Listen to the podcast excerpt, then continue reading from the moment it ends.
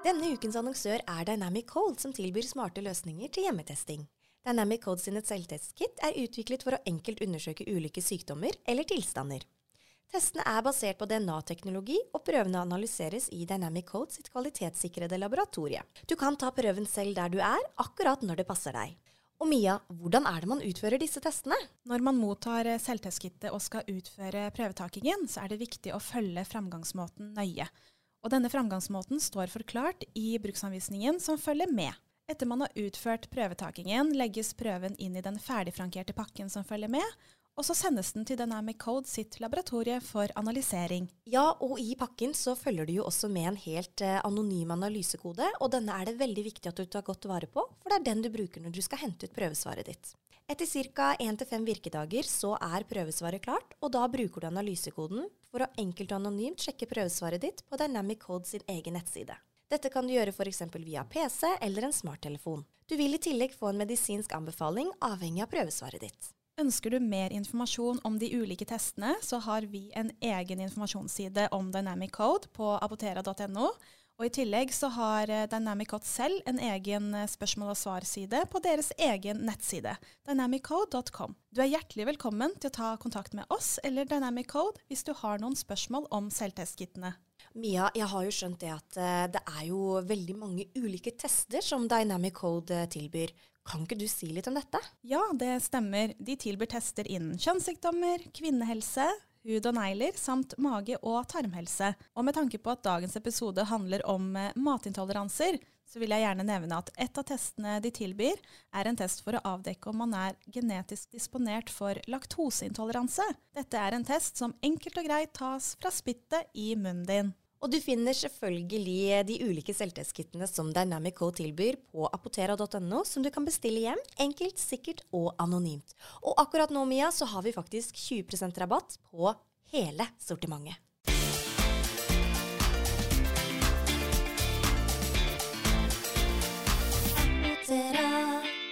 Velkommen til en ny episode med Apotera, og velkommen til deg, Mia. Takk skal du ha. God morgen til deg. God morgen. Det er tid for en helt ny episode. Ja, helt ja. riktig. Vi kunne jo ikke sist avsløre helt hva vi skulle prate om, fordi vi visste ikke. Nei. Men i går, eh, ja, i går ettermiddag, tror jeg det var, så la vi jo ut en, en eh, story på sosiale medier hvor vi eh, fortalte hva vi skulle prate om. Så uh, vi har jo fått inn en god del uh, spørsmål i tilknytning til dette. Ja, veldig mange. Ja, veldig mm -hmm. gode spørsmål. Jeg blir Absolutt. så glad når jeg bare ser at innboksen fylles opp. Det syns jeg er kjempegøy. Så, uh, så, jeg gleder meg veldig til å svare på, på spørsmålene i dag. Og selvfølgelig gå i dybden på intoleranse. Helt enig. Det blir interessant. Ja. ja. Sa jeg det riktig, forresten? Intoleranse ja, Var det riktig ja. uttalt? Ja. ja. Jeg er litt sånn si. på uttalelse innimellom, så er det fint Eller altså, kan, jeg tenker det høres riktig ut, men det er nå min mening, da. men eh, Mia, vi skal eh, altså da prate om eh, intoleranse og hva dette er. Um, så du skal jo egentlig lære meg opp litt i dag.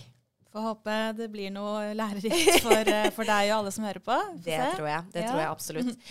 Ønsker også å minne om at uh, hver eneste episode også filmes og eh, legges ut på Apotera sin helt egen YouTube-kanal. Vi håper at så mange av dere også har lyst til å følge oss der. Og med det sagt så tenker jeg vi bare skal komme i gang, jeg. Ja. Herlig.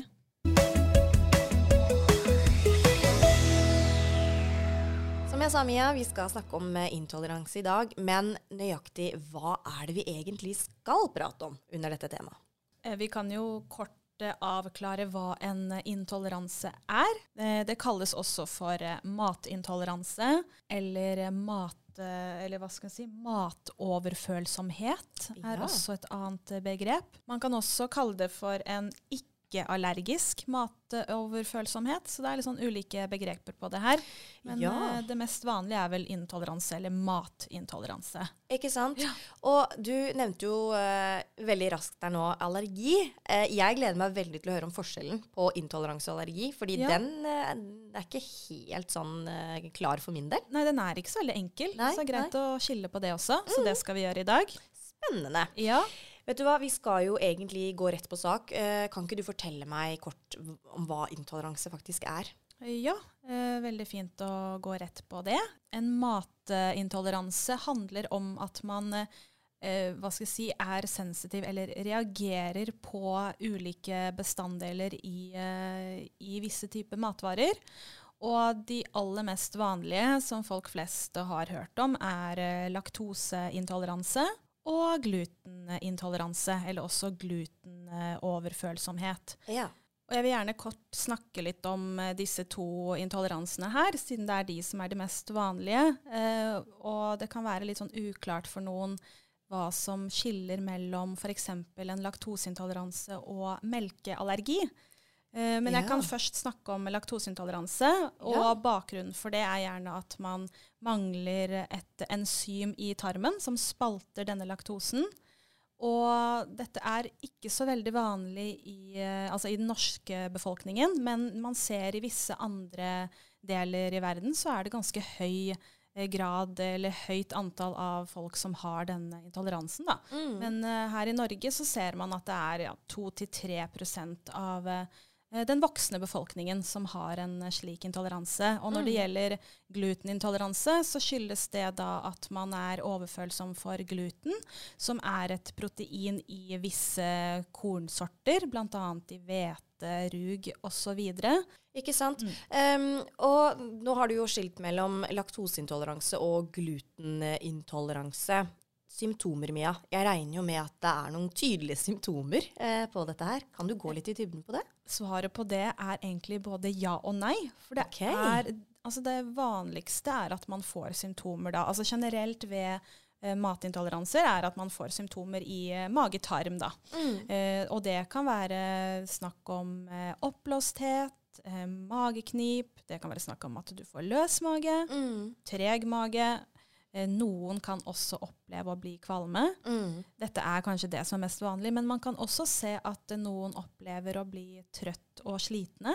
Okay, Eh, ja. Det, er også, det skrives også om at man kan oppleve andre typer symptomer, sånn som Mm. eh, at man får symptomer i form av utslett, eh, kviseutbrudd. Mm, mm. Eh, det står også litt om migrene, og jeg kan ikke påstå det her veldig klart og tydelig at det er en konsekvens av matintoleranser, men, men det ses at det er mange sånn, ulike typer symptomer som ikke er så lett å koble opp mot akkurat en intoleranse, da, for det kan jo være mange andre årsaker også. Absolutt. Det er liksom Mm. ikke bare Altså, det jeg forbinder med det, er at man får vondt i magen, sånn som du sier. Kanskje Ja, Ja, ja. ja litt de greiene der. Men altså, Mm. det kan jo da tydeligvis være så mye annet. Det kan eh, det, ser man. Ja. Og um, det som er litt sånn spesielt med en intoleranse, er at det er ikke alltid sånn at du merker symptomene rett etter matinntak. Nei. Det kan gjerne ta litt tid. Mm. Og eh, i noen fagartikler så ser man at eh, symptom, så står det at symptomene kommer relativt kjapt. Men så Mm. er det andre som skriver at det kan ta flere dager. Så Mm. det her er ikke så veldig enkelt eh, å avdekke. Ikke sant, Eh, ikke sant. Og det kan være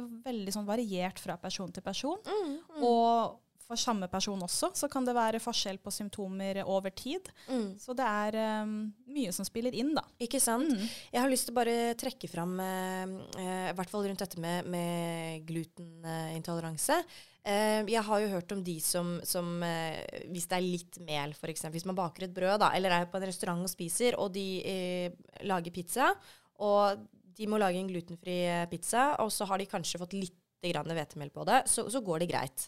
Men så har du de som omtrent ikke kan ha den pizzaen på samme kjøkken. Eh, det er jo ganske stor forskjell på hvordan disse personene reagerer på det.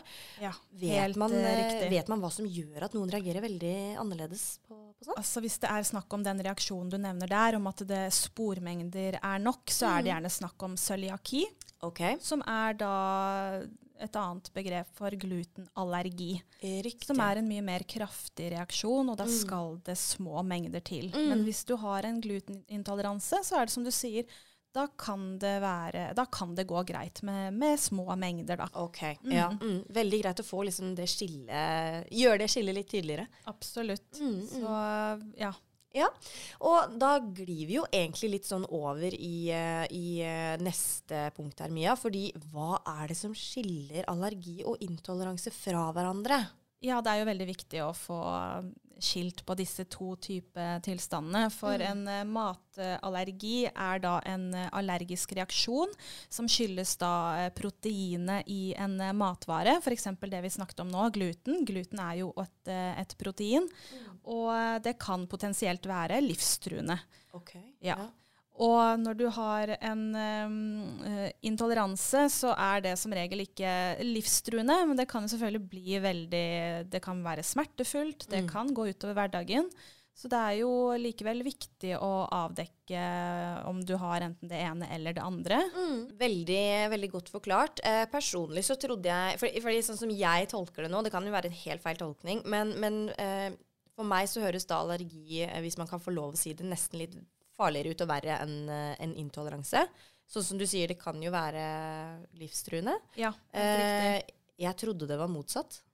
Så det er Aha. veldig Ja, av en eller annen eh, merkelig grunn så har jeg liksom alltid, når folk har sagt at de f.eks. har hatt uh, intoleranse, lakto vært laktose, hatt laktoseintoleranse, eller hvordan man skal si det, at det liksom har vært veldig mye verre. Men ja, du ser, man lærer noe nytt hele tida med deg Ja, i det studio. er nok, eh, det er nok uh, vanlig å, å liksom blande disse begrepene Ja, litt. ja, Eh, sant? for det er klart at har man også f.eks. en gluten eller en overfølsomhet for gluten, så kan Mm. jo det gli over til en til en allerg Ja. type allergi, da, hvis Ja. man plutselig utvikler cøliaki. Selv Ja. om det cøliaki gjerne er noe som er fra altså Det er jo ikke vanlig at man utvikler det. Eh, Nei. Det er jo gjerne noe en, hva skal jeg si, eh, en feil i systemet, hvis man kan si det veldig veldig enkelt. Men det er veldig viktig å, å liksom få en diagnose på det her. Fordi Mm. veldig mange, man ser at uh, foreldre f.eks. de vil jo gjerne se hvis barna reagerer på ulike typer matvarer, liksom merke ulike symptomer. Mm. Men når man uh, sammenligner tall fra foreldrene om hva de sier i forhold til deres barn, Mm. og, og sånne intoleranser, og reelle tall, Mm. så er det et ganske stort skille. Sånn reelt, okay, når ja. man studerer det her, så er det ganske få som har en intoleranse sammenlignet med hva man selv sier, da. Ikke sant? Ja. Eh, og det som er ulempen der, er at man kan Det som kan skje, er at man enten gir barna sine eller seg selv eller sånn unødvendige strenge dietter, og Mm. utelukker viktige næringsstoffer i kostholdet Mm. fordi man tror man har en intoleranse, når det kanskje er noen andre årsaker som ligger bak. Nettopp. Veldig, veldig godt og viktig sagt, Mia. Mm. Og eh, du sa jo det her med at det er veldig viktig å få en diagnose. Ja. Men eh, hvordan i alle dager er det man egentlig finner ut om man eventu eventuelt har en eh, intoleranse? Det er ikke rett fram alltid. Eh, legene bruker noen ganger eh, hva skal jeg si, historikk og erfaringer fra pasienten for å, for å liksom kartlegge om det kan være snakk om en intoleranse. Mm. Og hvis man f.eks. har eh, atopisk eksem, da, eller har eh, pollenallergi, eller begge deler, så har man, er man gjerne litt sånn utsatt for sånne kryssreaksjoner. Liksom som vi snakket ja. om i en eh, tidligere episode om eh, pollenallergi. Mm. Og dette kan jo være en type liksom, intoleranse, ikke sant? Mm. At man eh, reagerer på komponenter i matvarer eh, på bakgrunn av eh, at man har andre sykdommer som gjør at man er litt mer eh, utsatt. Mm. Eh, så det her er eh, verdt å liksom snakke mer om, og, og, men ikke minst at man drar til legen hvis man, hvis man opplever ulike symptomer med mage-tarm som varer over lengre tid. Mm. Um, men når det gjelder diagnostikk, da, så var det som jeg sa, eh, legen pleier å stille litt spørsmål og kartlegge litt. Mens når det gjelder f.eks. laktoseintoleranse, så er det jo mulig å utføre um, en gentest. OK. Det den gentesten avdekker, er om man mangler, eh, altså om man mangler eh, dette um, enzymet som spalter laktose. Mm. Ja, og En annen måte å undersøke om man kan ha en eh, laktoseintoleranse på, er å utføre en såkalt laktosebelastning. Eh, Det går ut på at eh, pasienten inntar en viss mengde med laktoseprodukt, og så utfører man da en test i etterkant for å se om, eh, man, om kroppen klarer å spalte det her eller ikke. Ja, det minner meg om sånn glukosebelastningstest man tar når man er gravid. Ja, det er nok noe tilsvarende det, ja. Riktig. Så det går an å gjøre det med laktose Ja, altså. Ja. men den vil ikke avdekke alle tilfeller av eh, in in intoleranse. For det Mm. her er bare hvis du er genetisk disponert. Man kan Ja. jo f.eks. ha en intoleranse for laktose selv om man har dette genet. Mm, Så det er ikke noe sånn 100 eh, svar her, altså. Mm. Og Mia, eh, det er jo faktisk sånn at på Apotera så får man jo også kjøpt eh, ulike selvtestkit, annet for laktoseintoleranse. Ja. Og hvis dere har spørsmål for hvordan, på hvordan man skal bruke disse, eh, trenger veiledning, så er det selvfølgelig bare å ta kontakt med oss. Før vi eh, går over til eh, lytternes eh, spørsmål denne uken, Mia, så har jeg lyst til at vi skal snakke kort om kosthold ja, ved intoleranse. Kan, Ja. kan vi gjøre det? Det er veldig fint å ta med. Mm, mm. Ja, det som er når man har en intoleranse, da, er at altså behandlingsformen her er jo at man eh, ser på kostholdet og utelukker, eller i hvert fall begrenser inntaket av det man eh, har en intoleranse mot. Mm. Så hvis det er snakk om eh, ja, laktoseintoleranse, da, så, så gjelder det å finne ut av hvilke matvarer som har eh, mye laktose i seg. Mm, Eh, mm. For det varierer jo. Ikke sant? Mm. Ja. Eh, du sier jo at man skal helst da unngå å få dette i seg, men kan man få i seg litt? Hvor mye kan man eventuelt eh, få i seg av, av f.eks. laktose? Ja, Veldig godt spørsmål. Det, er jo, det varierer fra Mm. person til person. Mm. Når du har en laktoseintoleranse, så er det ikke sånn at du ikke kan få i deg noe som helst. Okay. Eh, men det er veldig liksom, det er individuelle forskjeller der, og det Mm. kan også variere over tid. Eh, men det er en sånn det, er, det her er bare en sånn generell regel, og det er veldig variert. Men man sier at sånn opptil 12 gram eh, laktose i løpet av en dag, det er noe de fleste tåler. Ok, ja. Uh, og det vil, det, da må man liksom kartlegge litt. Uh, Mm. Hvis man eh, tar og drikker ett glass melk, hvis ikke jeg Mm. tar helt feil nå, så vil det tilsvare ca. den mengden. da. Ok. Eh, og hvis du ser på andre melkeprodukter som f.eks. gulost eller eh, rømme, så er det gjerne mindre eller nesten ingen laktosemengde eh, i, disse, eller, altså i noen av disse produktene. Okay. Så det er viktig å være klar over, for det er veldig viktig å få i seg det her pga. kalsiumet. Mm, mm. Um, så det er ikke sånn at du må utelukke alt av eh, meieriprodukter. Hvis du har en melkeallergi derimot, så må man eh, kutte ut eh, liksom kumelk og Ja. meieriprodukter, da. ikke sant? Ikke Fordi det da er proteiner man eh, ikke tåler. Mm, mm. Så det er viktig å liksom skille på det her, Ja. og kartlegge. Ikke sant? Mm. Og nå er det jo sånn at eh, eh, det tilbys jo heldigvis produkter eh, til de som har disse intoleransene og allergiene. Det er jo ikke sånn at det er klin umulig, så vidt jeg har forstått. Man har jo ulike produkter. Gode produkter har jeg forstått òg, og vi har jo faktisk fått et spørsmål om dette senere òg. Hvordan de får til å, å lage produkter som smaker tilsvarende likt. Jeg, er ikke, jeg har jo ikke noe sånn intoleranse selv, og jeg er ikke noe god på å liksom, eh, skille på dette her selv, så det blir jo litt interessant å gå i dybden på det òg. Jeg har bare et, eh, et kjapt spørsmål til deg. eh, Fordi i forrige episode, da vi snakket om allergi, og f.eks. dette med kryssallergi, så nevnte du at eh, de som f.eks. Eh, reagerer på gulrøtter, eh, kan reagere når de spiser de rå, men ikke når man koker dem. Ja. Og nå har jeg lyst til å utfordre deg litt. Fordi eh, la oss si at man eh, har, en, eh, lakto ja, har laktoseintoleranse. Eh, vil det hjelpe å f.eks. koke melka?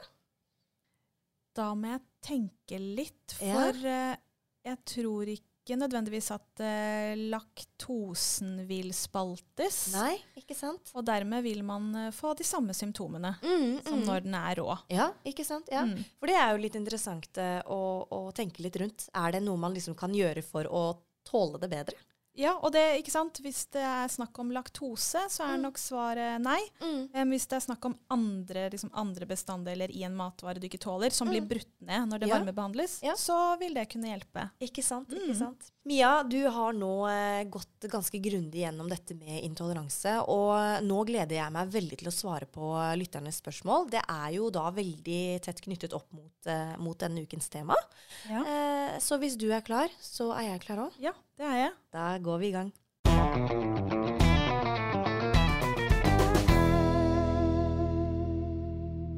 Hei, jeg lurte på om man er født med intoleranse eller ikke. Det er eh, normalt sånn at man ikke er eh, født med det, men at man utvikler det etter en viss tid. Og ja, igjen så snakker vi jo mye om eh, laktoseintoleranse, fordi det er en, ja, et av de mer vanlige intoleransene som finnes. Og der ser man at eh, man gjerne utvikler denne intoleransen ved sånn to-tre års alder. For det er faktisk laktose i morsmelken også. Mm. Eh, så det hadde jo vært synd hvis, man, eh, hvis det var vanlig å være født med det. For da hadde Ja. man ikke tålt, eh, eller da hadde man reagert på morsmelken også. Mm, mm. Så det er gjerne noe som, eh, som utvikler seg eh, Ja. etter de første leveårene. Da. Når det er sagt, så vet jeg jo og Har også flere venninner som har opplevd at eh, barnet har reagert på morsmelken. Og så må de gå på en sånn type diett. Altså mødrene må gå på en diett hvor de ikke inntar eh, eh laktose. Um, og så går det bra igjen etter kanskje noen måneder. Så det er veldig rart hvordan det der fungerer. Men det er det det er, jo, det er, jo, sånn det er, da. Man har liksom ikke noe kontroll over de tingene der. Nei, Og så kan man ikke sant, reagere på, på kumelk mm. og på proteinet i melka der. Så mm. da må man på en måte kartlegge hvilke produkter som ikke inneholder det. Ja. Samme når du nevner det her med morsmelkserstatning. ikke sant? Mm. Det er jo noen som ikke kan bruke visse typer, og Absolutt. da må de gå på litt sånn spesialprodukter. da. Mm, mm. Så det her er uh, aktuelt fra, fra man er små, fordi det gjelder. Ja. Mm. Hei, er det mest vanlig at barn, ungdom eller voksne har eh, intoleranse mot mat? Det er jo, sånn som Når det gjelder laktose, da, så er det jo vanlig at man utvikler det i løpet av de første leveårene. Men det er klart at eh, det her er jo ikke en eh, allergi hvor du liksom gjennom hele livet reagerer på proteinet og får en sånn kraftig allergisk reaksjon. Så det her kan gjerne komme liksom når du kommer litt opp i årene også, mm. og er da gjerne knyttet opp mot andre tilstander. Okay. Eh, for eksempel så er det sånn at hvis du har cøliaki, mm. eh, så kan du da lettere reagere på laktose også. Ikke sant, eh. Så det er litt sånn sammensatt innimellom. Mm. Så mm veldig variert. Ja, mm. veldig godt svart. Neste spørsmål, Mia, det er eh, Dette her syns jeg er veldig spennende, faktisk. Eh, hei, Apotera. Kan man utvikle intoleranse for ting pga. f.eks. stress? Ja, stress har jo dessverre en eh, stor påvirkning på mange ulike ting i kroppen. Mm. Det kan også påvirke fordøyelsen, mage-tarm, og dermed hvordan man liksom tar opp og, og fordøyer mat man spiser. Så mm. det kan absolutt være en sammenheng der. Mm. Eh, man ser jo også at det er eh, ja, flere andre tilstander som kan gjøre at man, eh, man får en intoleranse f.eks. i en periode. da. Ikke sant. Ja. Mm. Sammensatt, rett og slett. Ja, ja. det kan mm. man absolutt si. Mm. Ja. Veldig godt spørsmål. Det neste. Hei, jeg har et spørsmål angående intoleranse av rå grønnsaker. Jeg har fått påvist IBS, men kroppen takler det meste av grønnsaker. Og jeg vet at andre med IBS ikke tåler det, f.eks. løk og hvitløk. Men rå grønnsaker reagerer jeg veldig på. Jeg lurer på hvorfor det er slik. Eh, og er det noen spesifikke rå grønnsaker folk med IBS bør styre unna, eller gjelder det alle grønnsaker? Dette gjelder da sånn på gruppenivå, fordi jeg vet selvfølgelig at det er forskjeller blant individer. Jeg sliter litt med å finne god informasjon på nettet. Ja, dette her er også ganske sammensatt. Eh, og veldig interessant også, dette med, med IBS. Mm. Eh, for det er som vedkommende sier, det er jo så forskjellig fra person til person. Og mm. det kan også variere sant, over tid. Mm. Og igjen, det her med stress er, har en med IBS Eller hvis man har IBS da, og er i en sånn veldig stressende periode, så kan man merke at man reagerer mer på matvarer som man ellers ikke reagerer på. Mm, mm. Eh, og man snakker jo gjerne om noe som heter, eller kalles for foodmap-dietten. Yes. Eh, og det er da ut, liksom visse typer matvarer som har et høyt nivå av visse stoffer, som f.eks. de med IBS lettere kan reagere på. Da. Ja, ja. Og liksom tilbake til spørsmålet, så er det jo sånn at eh, rå grønnsaker som er uh, ubehandlet, jo, krever jo mer for, uh, for tarmen å fordøye. Ja. Og hvis man uh, koker det, så er det da enklere for, uh, for fordøyelsen å fordøye det. Så mm. det kan ha noe med det å gjøre. Mm. At det blir litt uh, for voldsomt for, for fordøyelsen, i, spesielt i perioder, da. Mm. Hvis man i tillegg er stresset, og hvis man har da IBS, så kan mm. det her gjøre at man reagerer da ved, med f.eks. mageknip og, og, treg mage, eller løs mage for den saks skyld. Mm. Fordi kroppen liksom sliter litt med, med å med å bearbeide maten. Mm. Mm. Jeg ser jo at vedkommende også spør om det er noen spesifikke rå grønnsaker de med IBS burde holde seg unna. Eh, er det det, eller er det liksom litt vanskelig å si? Eh, si? Ja, da tenker jeg at man bør eh, finne noen gode kilder om dette med foodmap. Mm. For da finnes det sånne lister med, med eller liksom, eh, råvarer da, som mm. har høy, moderat eller lave nivåer av eh, disse foodmap eh, foodmaps, eh, hva skal jeg si, eh, eh, stoffene. Ja. Og Så det er fint å, å se på det her, men Mm. samtidig prøve seg litt fram, og ikke utelukke matvarer sånn unødvendig. Mm, mm. For det er dumt å, å ekskludere viktige næringskilder hvis man, hvis man ikke må. Ikke sant? Men det ja. gjelder å prøve seg litt fram, og det Ja. f.eks. de med IBS må gjøre, da, men også de med, med laktoseintoleranse, er å gjerne ekskludere visse matvarer i en periode, Mm. og så gradvis introdusere det da inn i kostholdet igjen. Ja. For da kan man lettere avdekke om man reagerer på på de enkelte matvarene. For Hvis Ikke man spiser veldig mye forskjellig i løpet av en dag, og opplever symptomer dagen etterpå, så det, kan det være ganske vanskelig å vite hva var det jeg egentlig ikke tålte av det jeg Ikke spiste sant. dagen før. Ja, ja. Mm. Syns det var et veldig veldig godt svar. Og eh, om dere lurer på noe mer rundt akkurat dette, så er det jo selvfølgelig bare å sende oss eh, melding. Absolutt. Hei, Mia og Elisabeth. Eh, hva er det de tilsetter i produkter uten f.eks. laktose for at det skal smake så likt som mulig? Ja, jeg har ikke noe sånn supergodt svar på det, men det finnes fins jo veldig mye forskjellig nå Ja, på, ja, ja. på markedet av, altså av produkter som er uten gluten eller uten eh, laktose. Da. Eh, og man bruker f.eks. havre til å lage mm. havremelk. Mm. Det er jo ganske populært. Ja. Eh, Soyaprodukter, soyamelk, er jo Mhm. også ganske vanlig. Hva annet er det som finnes? Det er vel de to. Det er vel noe sånn Eh, risgreier og ja. mandel og Ikke sant? Ris og mandel. Ja. Jeg syns mandelmelk har en veldig sånn spesiell smak. Ja, ja. Eh, Men rismelk og havremelk er jo ganske sånn milde. Også Ja. soyamelk. eh, Ja. Ganske sånn naturlig, naturlig smak på, som Ikke kan sant. minne litt om, eh, om melk. Men ja, godt spørsmål. Hva er det de egentlig tilsetter? Det de, altså man, det, du får jo også tak i altså melk som er laktosefritt eller Mm. laktoseredusert. Og det Mm. de da har gjort, er at de rett og slett har spaltet laktosen på forhånd. OK. Ja, ja, Og da blir gjerne produktene litt søtere. ja. ikke sant. Fordi da blir de jo spaltet til sant, melkesukker, Ja, OK. eh, kan du si kort eh, forklart. Ja. Eh, Mm. så ja, man må nesten høre med disse produsentene da, om hva Ja. er det de, de gjør. Men de har nok tatt utgangspunkt i råvarer som har milde smaker. Mm, mm. Eh, for man kan jo sikkert lage ikke sant? Sånn som jeg nevnte nå, jeg syns jo f.eks. mandelmelk har en sånn spesifikk, eh, Mm. spesiell smak. Men det er jo veldig sånn forskjell på hva man, ja. hva man foretrekker, da. Ikke sant. Det er viktig å prøve seg litt fram. Det er eh, litt sånn mystisk, eh, akkurat det der. Og det, det er kanskje det som er litt gøy med det òg. Ja, og man kan jo lage ikke sant, mandelmelk eh, selv hjemme. Ja, ja, ja, Ja, ja, det har jeg sett at eh, noen gjør. Ja. Så Inn, det er sikkert inn å lage det alt sånn selv etter hvert, så det er bare å prøve. uh, hei, er det sant at laktosefrie produkter er sunnere enn produkter eh, med laktose? Uh, nei, det er ikke noe sånn klart skille der. Eh, det kommer jo helt an, på, altså, helt an på produktet i seg selv. Mm. Altså Er det et produkt med masse sukker, og, så er jo ikke det noe sunnere. Nei, Eh, så sant. forskjellen er jo egentlig bare at eh, laktosen er spaltet på forhånd. Mm. Hei dere, jeg lurer på om det finnes noe man kan ta så man slipper intoleranse? Ja, når du har en laktoseintoleranse f.eks., så finnes det produkter du kan ta for å liksom dempe disse problemene du får med mage-tarm. Mm. Eh, for disse tablettene f.eks.